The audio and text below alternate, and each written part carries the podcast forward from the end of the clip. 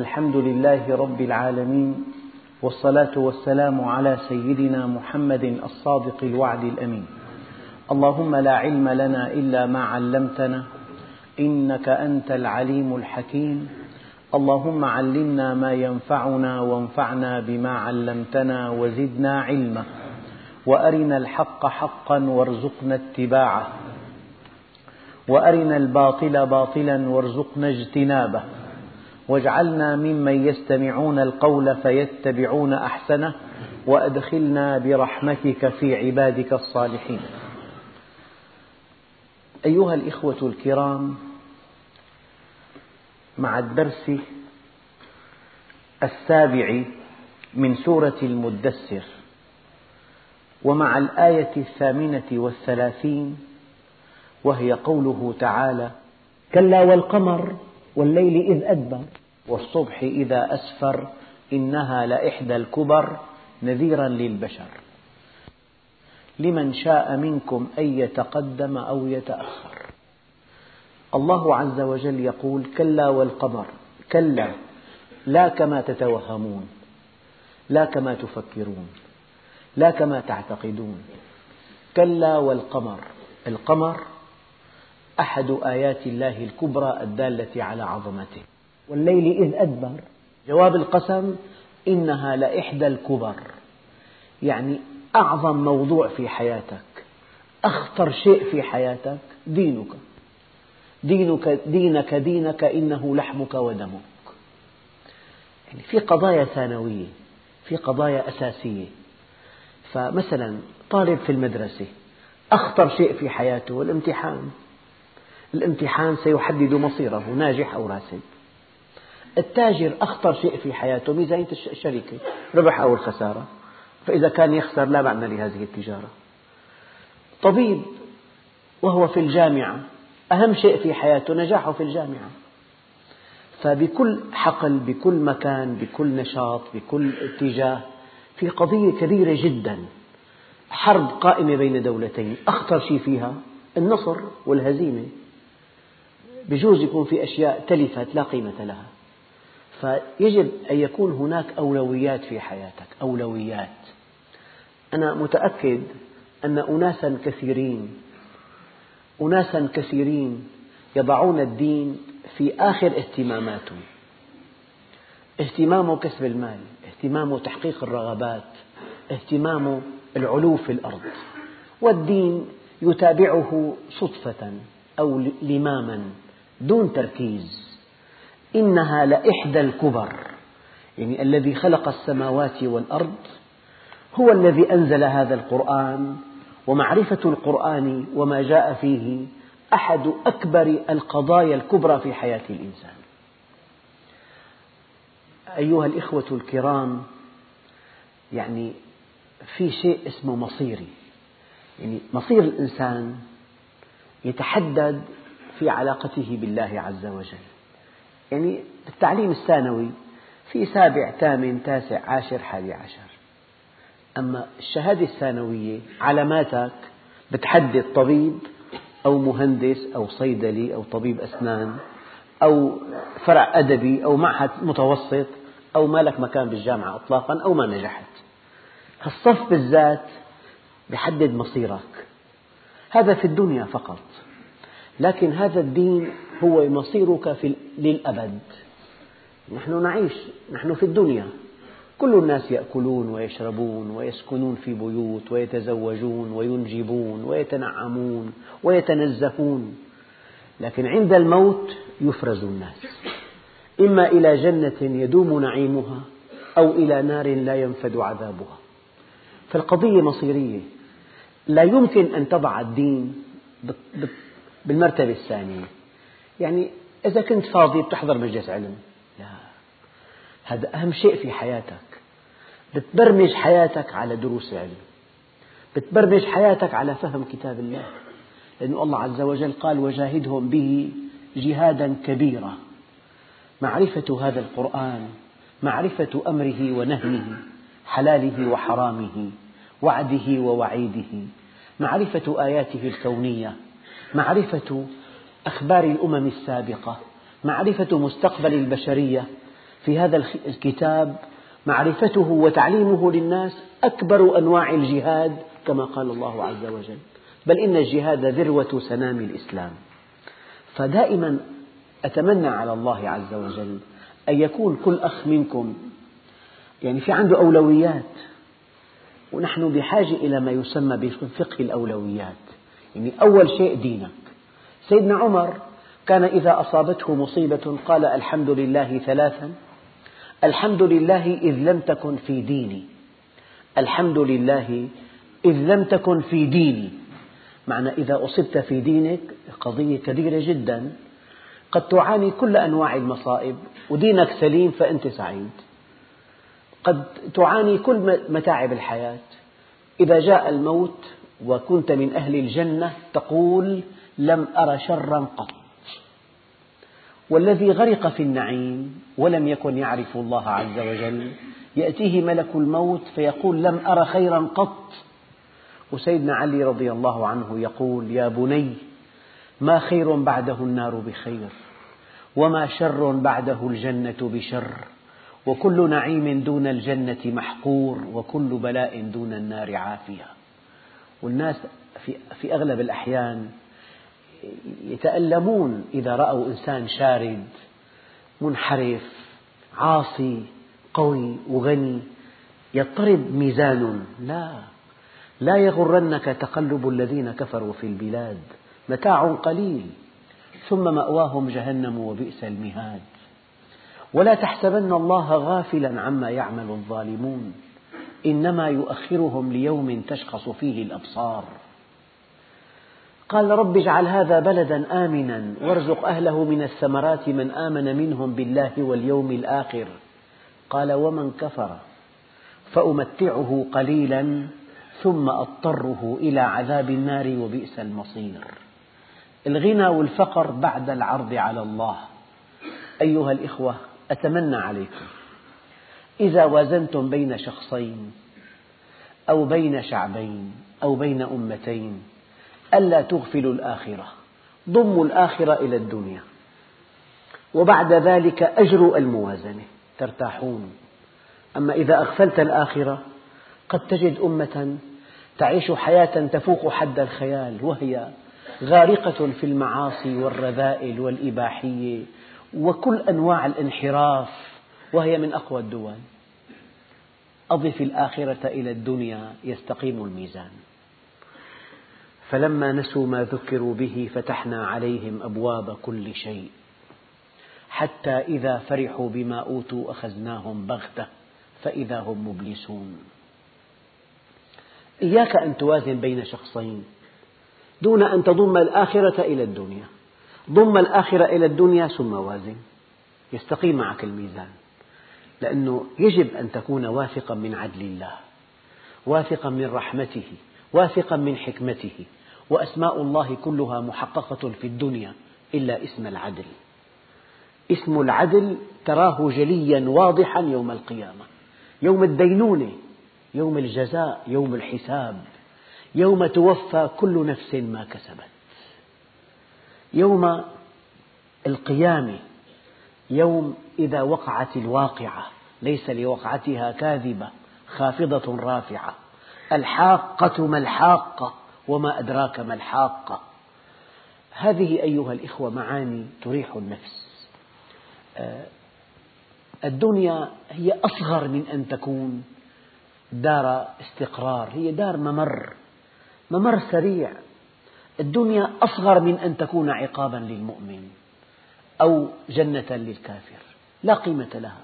لو أنها تعدل عند الله جناح بعوضة ما سقى الكافر منها شربة ماء. كلا والقمر.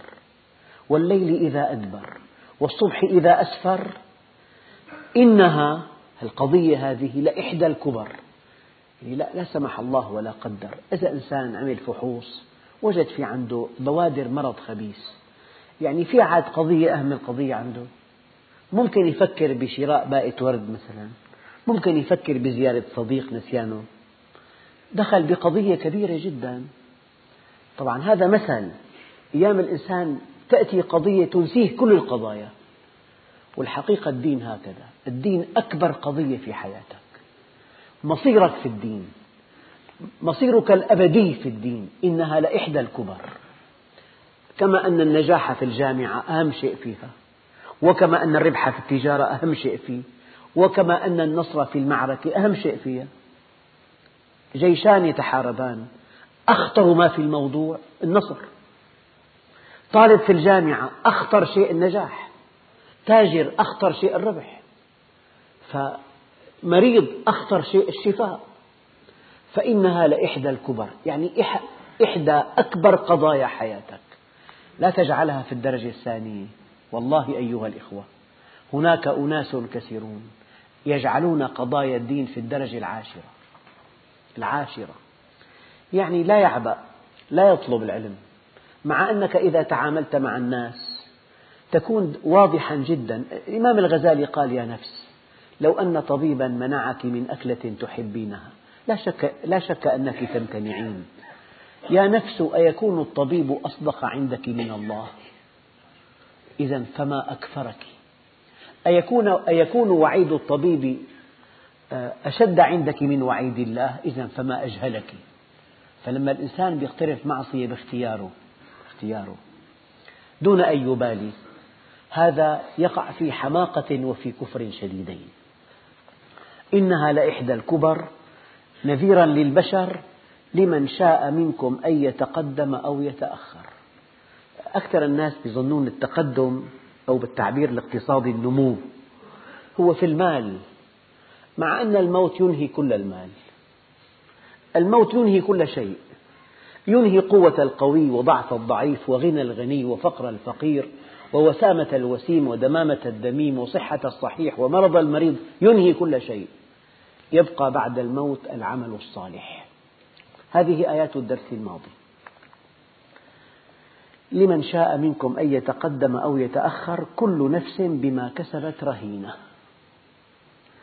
أنت إنسان لك عمل. حنسميه حركة الحياة. لو إنسان مقعد في البيت لا يتكلم ولا يتحرك ولا يأكل ولا يشرب ما له عمل هذا. أما إنسان خرج من بيته له عين له أذن له لسان له يد. كيف كسب المال؟ كيف أنفق المال؟ كيف خاطب الناس؟ كان صادقا أو كاذبا مستقيما أو منحرفا مراوغا أو مخلصا.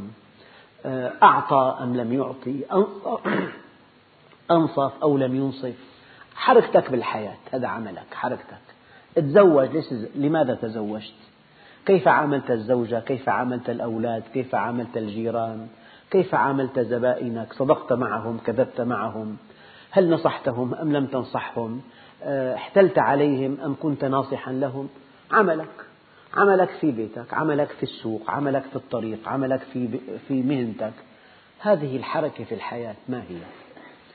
ممكن كل هذه الحركة أن توصف بوصف واحد عمله صالح أو عمله سيء. ضمن بيته ضمن تربية أولاده ضمن علاقاته بجيرانه ضمن الأخذ والعطاء المحاككة بالدرهم والدينار في أثناء السفر في أثناء الإقامة. حركتك بالحياة يمكن أن توصف بوصف واحد. صالحة أو طالحة. كيف الطالب بالجامعة؟ بيقدم 12 مادة وكل مادة 20 سؤال وكل سؤال علامات تصحيح ودقيق وسلم. بالنهاية يطلع بتقدير امتياز. أو تقدير جيد جدا أو تقدير وسط مقبول أو جيد. بالنهاية كل حركتك بالحياة توصف بكلمة. والناس أحيانا يموت بعض الأشخاص. يذكر اسمه في مجلس ينحكى عنه كلمة واحدة الله يوفقه. كلمة. وإنسان آخر لك ابن حرام. بدون تفاصيل. عمله سيء كذاب منافق. دجال خداع مثلا مغتصب لأموال الآخرين. فأنت لك عمل. عملك ضمن بيتك. عملك بعلاقتك مع جسمك. عملك بعلاقتك مع ربك. عملك بعلاقتك مع البهائم. عملك بعلاقتك مع من حولك مع جيرانك. عملك بعلاقتك مع من تعمل مع من هم فوقك مع من هم تحتك. علاقتك مع والدتك مع والدك مع أخواتك البنات والذكور أولاد عمك. عملك هو علاقاتك مع من دونك ومع من في مستواك ومع من فوقك. هذا العمل يوصف بكلمة واحدة إما أنه صالح أو أنه سيء. الذين آمنوا وعملوا الصالحات اقترن العمل الصالح مع الإيمان بمئتي آية ولا قيمة إطلاقا للإيمان من دون عمل. فدائما تفحص عملك كيف ألقى الله؟ في بالكسب شيء من الحرام في إيهام للناس من أجل ابتزاز أموالهم في يعني تكبير مبالغة حتى تخوفهم يعطوك مثلا. تستخدم مكانتك الأدبية من أجل أخذ مال ليس لك. ممكن تأخذ شيء ليس لك. عملك عملك. كلمة واسعة كثير لك دعوة إلى الله. هل تنصح المسلمين؟ هل تطلب العلم؟ هل تعلم العلم؟ هل تربي أولادك تربية عالية؟ هل ترعى من حولك؟ هل تعرف ما لك وما عليك؟ هل تؤدي الذي عليك عملك؟ كل نفس بما كسبت رهينة أنت مرهون لعملك. كلام واسع كثير. قضية العمل كبيرة جدا. ملخص حركتك في الحياة. ملخص حركتك في الحياة هو عملك. إن كان كريما أكرمك وإن كان لئيما أسلمك. أنت رهين عملك. محبوس يعني. الآن العمل يفحص. إما أن يطلق وإما أن يقيد. إما أن يطلق وإما أن يقيد. أيام إنسان مرتكب أعمال خسيسة فاسمه على الكمبيوتر. بيضربوا ما في شيء تفضل. في مشكلة هاتوا أنت رهين عملك حتى في الدنيا حتى مع أولي الأمر. فإذا واحد سارق واحد محتال واحد له أعمال سيء ببيع بضاعة مثلا مخدرات واسمه ما الذي جعلهم يقبضون عليه؟ سوء عمله والمستقيم طريق يتحرك أينما شاء. فكل نفس بما كسبت رهينة إلا أصحاب اليمين الذين عرفوا الله. بالمناسبة في فكرة رائعة وتبدو فيها مفارقة كبيرة. الحياة المؤمن كل حياته قيود. بصره مقيد بالمحارم. سمعه مقيد بذكر الله. ما في يسمع أغاني. لسانه مقيد بالصدق والنصيحة والتواضع. ما في يتكلم كلمات فيها كبر واستعلاء. طيب يده مقيدة بالعطاء. ما في يبطش بها. رجله مقيدة بالذهاب إلى المساجد وإلى دور العبادة وإلى آه، زيارة الأصدقاء وإلى الدعوة إلى الله. فكل أعضاؤه مقيدة بالشرع. لأنه مقيد طليق. غير المؤمن حر حرية البهائم. يأكل ما يشاء يأخذ من أموال الناس ما يشاء يعتدي كيفما يشاء فإذا هو يقيد. فالقيد الذاتي ينتهي إلى الحرية والحرية البهيمية تنتهي إلى القيد.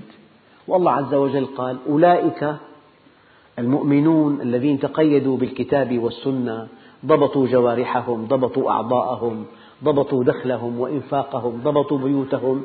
المؤمنون أولئك على هدى من ربهم. الله رفع شأنهم. والطرف الآخر لأنه تفلتوا وكانوا أحرار من كل شيء. أولئك في وفي تفيد شيء ضمن شيء في ضلال مبين. فالحرية البهيمية تنتهي إلى القيود. أحدها قيود نفسية الكآبة. الكآبة قيد. ومن أعرض عن ذكري فإن له معيشة ضنكا. ونحشره يوم القيامة أعمى. إذا وجدت في الأرض كلها وفي القارات الخمس إنسان معرض عن ذكر الله وهو يتمتع بسعادة كبيرة فالقضية خطيرة جدا. يعني تراجع القرآن مرة ثانية هذا كلام خالق الأكوان قال لك ومن أعرض عن ذكري فإن له معيشة ضنكا. لا يمكن إنسان على وجه الأرض يكون معرض عن ذكر الله إلا وله معيشة, معيشة ضنك. أما الضنك أنواع. أيام هم أيام قلق أيام خوف أيام سأم أيام ضجر أيام ضيق القلب. عصرة القلب أيام ملل. وما في إنسان يذكر الله إلا وفي قلبه طمأنينة. ألا بذكر الله تطمئن القلوب. والحياة الطيبة حياة يعرفها من ذاقها. فلذلك آه، كل نفس بما كسبت رهينة. افحاص عملك. افحاص مهنتك. افحاص كسبك للمال. افحاص أنفاق المال. افحاص بيتك في خلل. افحاص تربية أولادك افحاص بناتك كيف طلعتهم؟ ترضي الله أم لا ترضي الله؟ افحاص تجارتك فيها مادة محرمة فيها طريقة تعامل محرمة فيها إيهام فيها غش فيها احتيال. افحاص وظيفتك هل تنصح هؤلاء المراجعين؟ هل تلبي حاجاتهم؟ أم تماطلهم؟ أم تعقد عليهم الأمور من أجل أن تضطرهم إلى دفع مبلغ من المال؟ افحص انظر لعملك. إياك أن تظن أن الدين هو صلاة وصيام فحسب. الدين هو تطبيق لمنهج الله الكامل. والصوم والصلاة هي مناسبة تقطف ثمار استقامتك. فإذا ما في استقامة ما في معنى للصوم والصلاة. الصوم والصلاة كساعات الامتحان. يلي دارس بيكتب واللي مو دارس ما له معنى الساعات ثلاثة ما أرى ولا كلمة دخل للامتحان. معه ست أقلام. وأسبرين وسندويشة بس ما له قاري ما قيمة هذه الساعات الثلاث؟ هذا الذي يقيم شعائر الله من دون استقامة على أمر الله. يجد الملل والسأم والضجر ولا معنى لهذه العبادة عنده لأنه محجوب بعمله.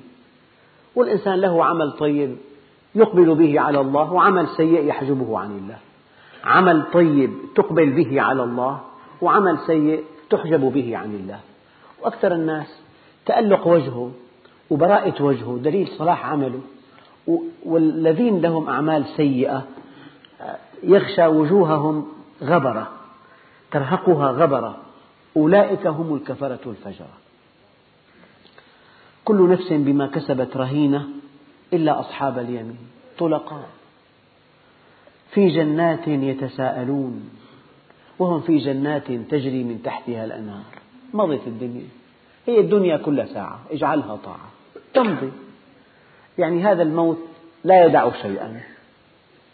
كم من إنسان بنى ولم يسكن. يعني حقق جزء من أهدافه ما تمت. في جنات يتساءلون عن المجرمين. ما سلككم في سقر؟ ما الذي أوصلكم إلى هنا؟ الآن اسمعوا جواب إنسان يحترق في النار. وسئل ما الذي جاء بك إلى هنا؟ هذا أخطر جواب.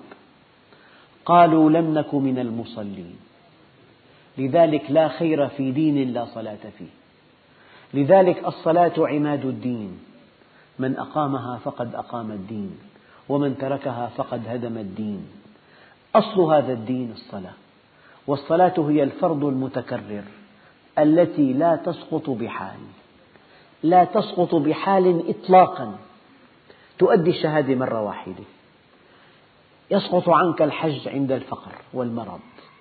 يسقط عنك الصيام عند المرض والسفر. تسقط عنك الزكاة إذا كنت فقيرا. أما الصلاة فرض متكرر لا يسقط بحال. الدين هو الصلاة. والصلاة صلة والصلة تحتاج إلى استقامة. وكل إنسان تلبس بظلم محجوب عن الله. فلذلك لا تبحث عن أداء حركات الصلاة بقدر ما تبحث عن تأكدك من أن الطريق إلى الله سالك. ولن يكون الطريق إلى الله سالكا إلا باستقامتك على أمره وخدمتك لعباده فبتلاقي المؤمن حريص على على خدمة الخلق وعلى الاستقامة لأنه حريص على اتصاله بالله. كلهم عباده. فإذا آذيتهم أو غششتهم أو خوفتهم أو ابتززت أموالهم العمل السيء يكون حجابا بينك وبين الله. فأحد دوافع المؤمن الاستقامة أحد أكبر دوافعه أنه يحافظ على اتصاله بالله فيستقيم مع عباد الله. وهذا الدين لولا لا تحقق سعادة على وجه الأرض. يعني دائما وأبدا العلاقة بين اثنين بينهم الله بعالم المسلمين. الله بين كل اثنين. فأنت تتحرك مع الطرف الآخر وتخاف الله أو تخدمه وترجو الله. يعني أعظم ما في الدين أنه كل إنسانين ببلاد المسلمين الله بينهما. فكل إنسان بيعامل الثاني بحالتين بخوف ورجاء. يخاف الله أن يظلمه يخاف الله أن يعتدي عليه يخاف الله أن يغشه يخاف الله أن يكذب عليه يخاف الله أن يؤذيه يخاف الله أن يأخذ ما ليس له. ويرجو رحمة الله بخدمته ويرجو رحمة الله بمعاونته ويرجو رحمة الله بتطمينه. إذا ما دام الله بين كل اثنين نحن في سعادة كبيرة. أما بالمجتمعات الشاردة ليس الله الله ليس بين اثنين علاقة مباشرة فالأقوى يأكل الأضعاف. ما دام في مصلحة في علاقة ما في مصلحة انتهى كل شيء. فالحياة من دون دين لا تطاق لأن القوي يأكل الضعيف والغني يبتز الفقير والأقوى يجلب الخير له لنفسه وحده. يا أيها الإخوة الكرام الحقيقة هي أن الله بين كل اثنين هي أروع حقيقة في عالم المسلمين وهذه لا تعرف إلا بالاطلاع على بيئات أخرى أو على مجتمعات أخرى. المجتمع الإسلامي على ما هو عليه من تقصير لكن في خوف من الله يخاف من الله. تلاقي شخص يعني يرجو رحمة الله ويخشى عذابه إذا يستقيم. إذا كل نفس بما كسبت رهينة إلا أصحاب اليمين في جنات يتساءلون عن المجرمين ما سلككم؟ يعني ما أدخلكم في سقر في النار؟ قالوا لم نك من المصلين ولم نك نطعم المسكين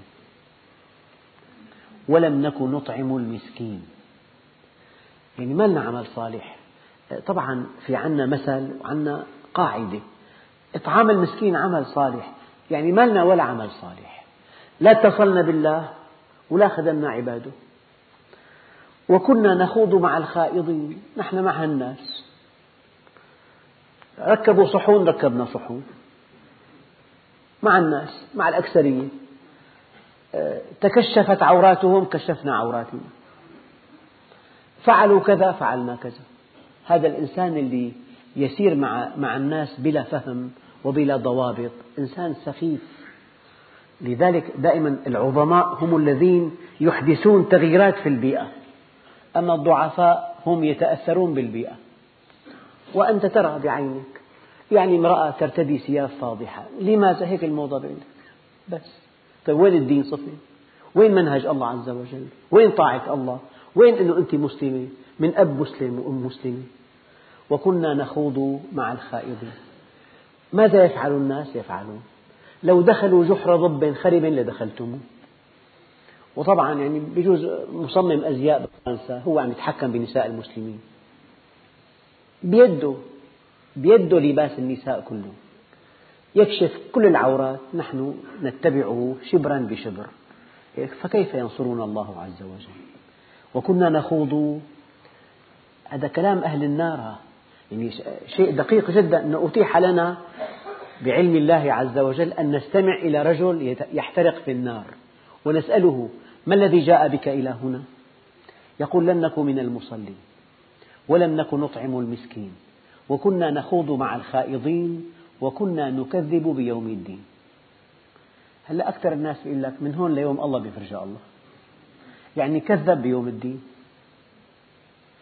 مين مات ورجع قال لك في آخرة؟ يقولوا عوام الناس. هذه كلمات الكفر وهم لا يشعرون. لا تدقق يعني ما في آخرة. لا تدقق هي كلمات يقولها الناس يعني بشكل مداعبة أما هي خطيرة جدا. وكنا نكذب بيوم الدين. والتكذيب أخواننا الكرام أنواع. في تكذيب قولي. لن تجد في العالم الإسلامي إنسان يكذب بيوم الدين. ما بيقول لك ما في آخرة. لكن لو فحصت عمله لا تجد أبدا أنه يعمل للآخرة. الذي يأكل المال الحرام يخاف يوم الدين؟ أبدا يكذب به. الذي يعتدي على حقوق الناس يكذب بيوم الدين. الذي يأخذ ما ليس له يكذب بيوم الدين. الذي يحتال يكذب بيوم الدين. كل إنسان يعصي الله هو في الحقيقة يكذب بيوم الدين. يعني إذا قلت لواحد يعني من باب الطرفة في على كتفك عقرب. ابتسم وبقي هادئ مرتاح تمام. قال لك أنا شاكر لهالملاحظة. وإن شاء الله بدي إياك كافيك عليها. ما فهم شو قلت له. لو فهم كان نط. جاء اليقين قال فما تنفعهم شفاعة الشافعين. اليقين هو الموت. واعبد ربك حتى يأتيك اليقين. والحقائق التي جاء بها الأنبياء. سوف يعرفها كل البشر عند الموت. كشفنا عنك غطاءك فبصرك اليوم حديد. يعني أكثر كفار الأرض. فرعون لما أدركه الغرق قال آمنت بالذي آمنت به بنو إسرائيل. إذا مشكلتك مع الإيمان مشكلة وقت. وقت. كل شيء جاء بالقرآن وجاء به النبي عليه الصلاة والسلام. سوف تعرفه معرفة يقينية قطعية ثابتة أكيدة عند الموت. إن عرفته هلأ أستفدت منه؟ أما عند الموت لا قيمة لهذه المعرفة. يوم لا ينفع نفسا إيمانها لم تكن آمنت من قبل أو كسبت في إيمانها خيرا. فكل عمل كل معرفة تكون عند الموت يقينية لكن لا قيمة لها. المعرفة النافعة هي المعرفة التي تعرفها وأنت في أوج حياتك. فما تنفعهم شفاعة الشافعين؟ قال عليه الصلاة والسلام يا فاطمة بنت محمد يا عباس عم رسول الله أنقذا نفسيكما من النار أنا لا أغني عنكما من الله شيئا لا يأتيني الناس بأعمالهم وتأتوني بأنسابكم من يبطئ به عمله لم يسرع به نسبه. أفمن حقت عليه كلمة العذاب؟ أفأنت تنقذ من في النار؟ أما الذي يموت موحدا مخلصا غير مشرك بالله تناله, تناله شفاعة النبي. شفاعة النبي حق لكنها لأهل التوحيد لأهل الإيمان لأهل الطاعة لأهل الاستقامة. أما أن يتوهم الإنسان أن يشرد عن منهج الله وأن يفعل كل الموبقات وأن يتعلق بشفاعة النبي فهذه سذاجة ما بعدها سذاجة. فما تنفعهم شفاعة الشافعين؟ يعني 12 مادة وناجح بالمواد كلها عدا مادة واحدة أخذ 45 من 50 لازم خمس علامات تنالك شفاعة النبي. أما في تقصير شديد هذا موضوع خارج شفاعة النبي عليه الصلاة والسلام. فما لهم عن التذكرة معرضين؟ تذكرهم فيعرضون تدعوهم فلا يستجيبون تنصحهم فلا ينتصحون. قال كأنهم حمر مستنفرة. والعوام يقولون مثل حمير الطرابة عمل مستمر إلى لا هدف يأتي الموت فجأة ينهي كل شيء. كأنهم حمر مستنفرة فرت من قسورة القسورة الرماة والحمر الوحشية إذا رأت الرماة وبيدها الأقواس أقواس النبل فرت فرارا مخيفا. بل يريد كل امرئ منهم أن يؤتى صحفا منشرة. يعني كل إنسان بده دين تفصيل خاص له يريد أن يأكل الربا وأن يصلي. هذا يصلي وأن تبدو زوجته سافرة. هذا يريد أن يفعل هذا العمل السيء وأن يكون دينا. الدين منهج إلهي ثابت.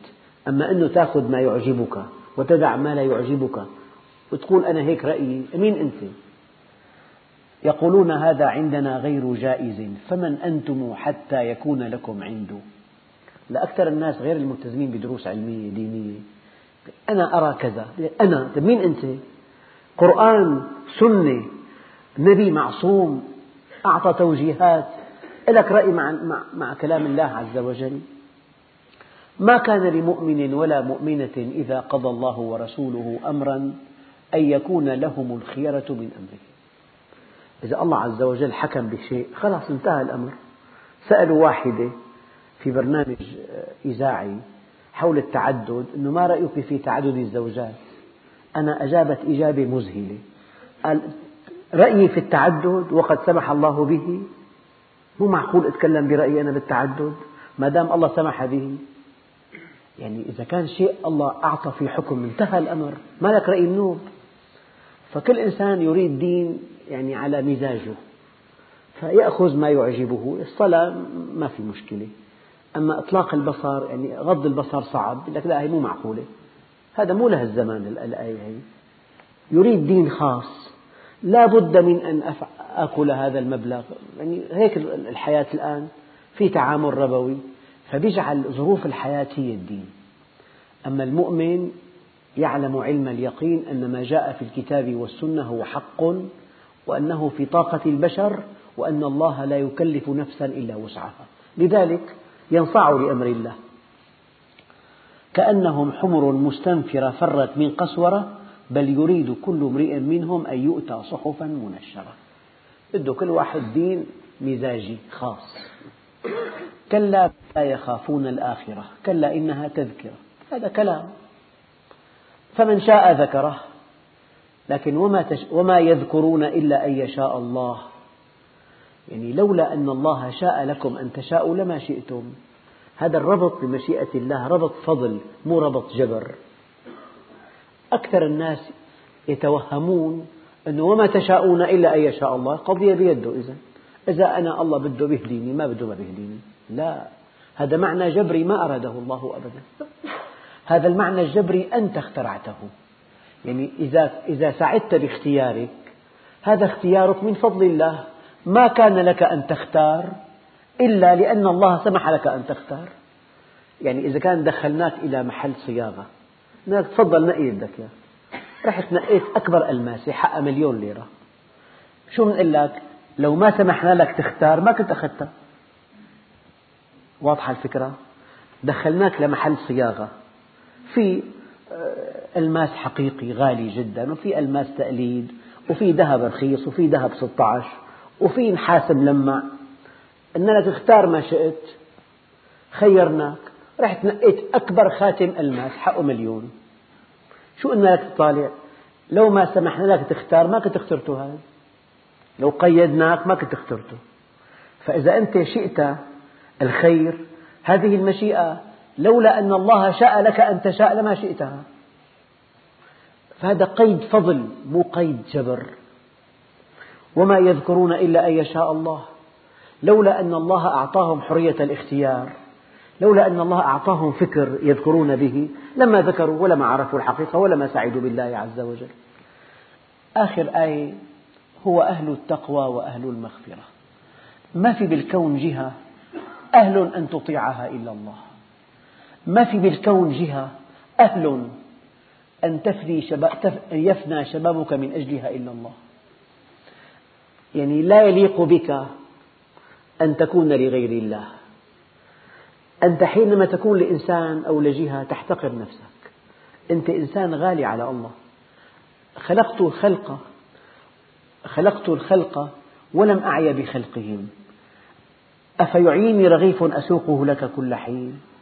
لي عليك فريضة ولك علي رزق. فإذا خالفتني في فريضتي لم أخالفك في رزقك. وعزتي وجلالي إن لم ترضى بما قسمته لك فلأسلطن عليك الدنيا.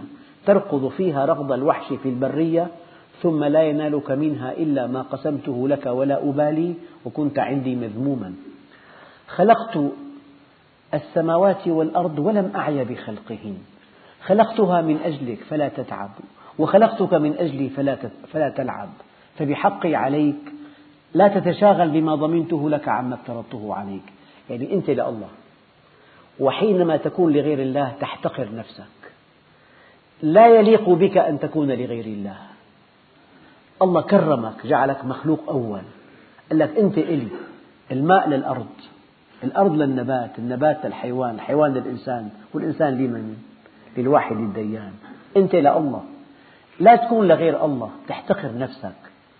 يعني ممكن ممكن تستخدم مثلا سبيكة ذهب بصنع مجرور أو قدوم.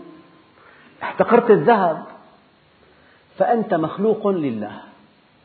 هو وحده أهل أن تطيعه أهل أن ترجوه أهل أن تطلب رضاه أهل أن تعبده أهل أن تضع كل طاقتك في خدمة عباده أهل أن يكون الله هو الأول والآخر عندك هو أهل التقوى أهل أن تتقيه. وإذا اتقيته هو أهل أن يغفر لك. الكلمتين بالآخير. هو أهل التقوى وأهل المغفرة. يعني ما في جهة مؤهلة أن تكون أنت لها إلا الله. وكل إنسان كان لغير الله فقد سفه نفسه في أشياء كثيرة تعرض عنها احتقارا لها. رأيت بيت صغير ما, ما عجبك ما بدي إياه.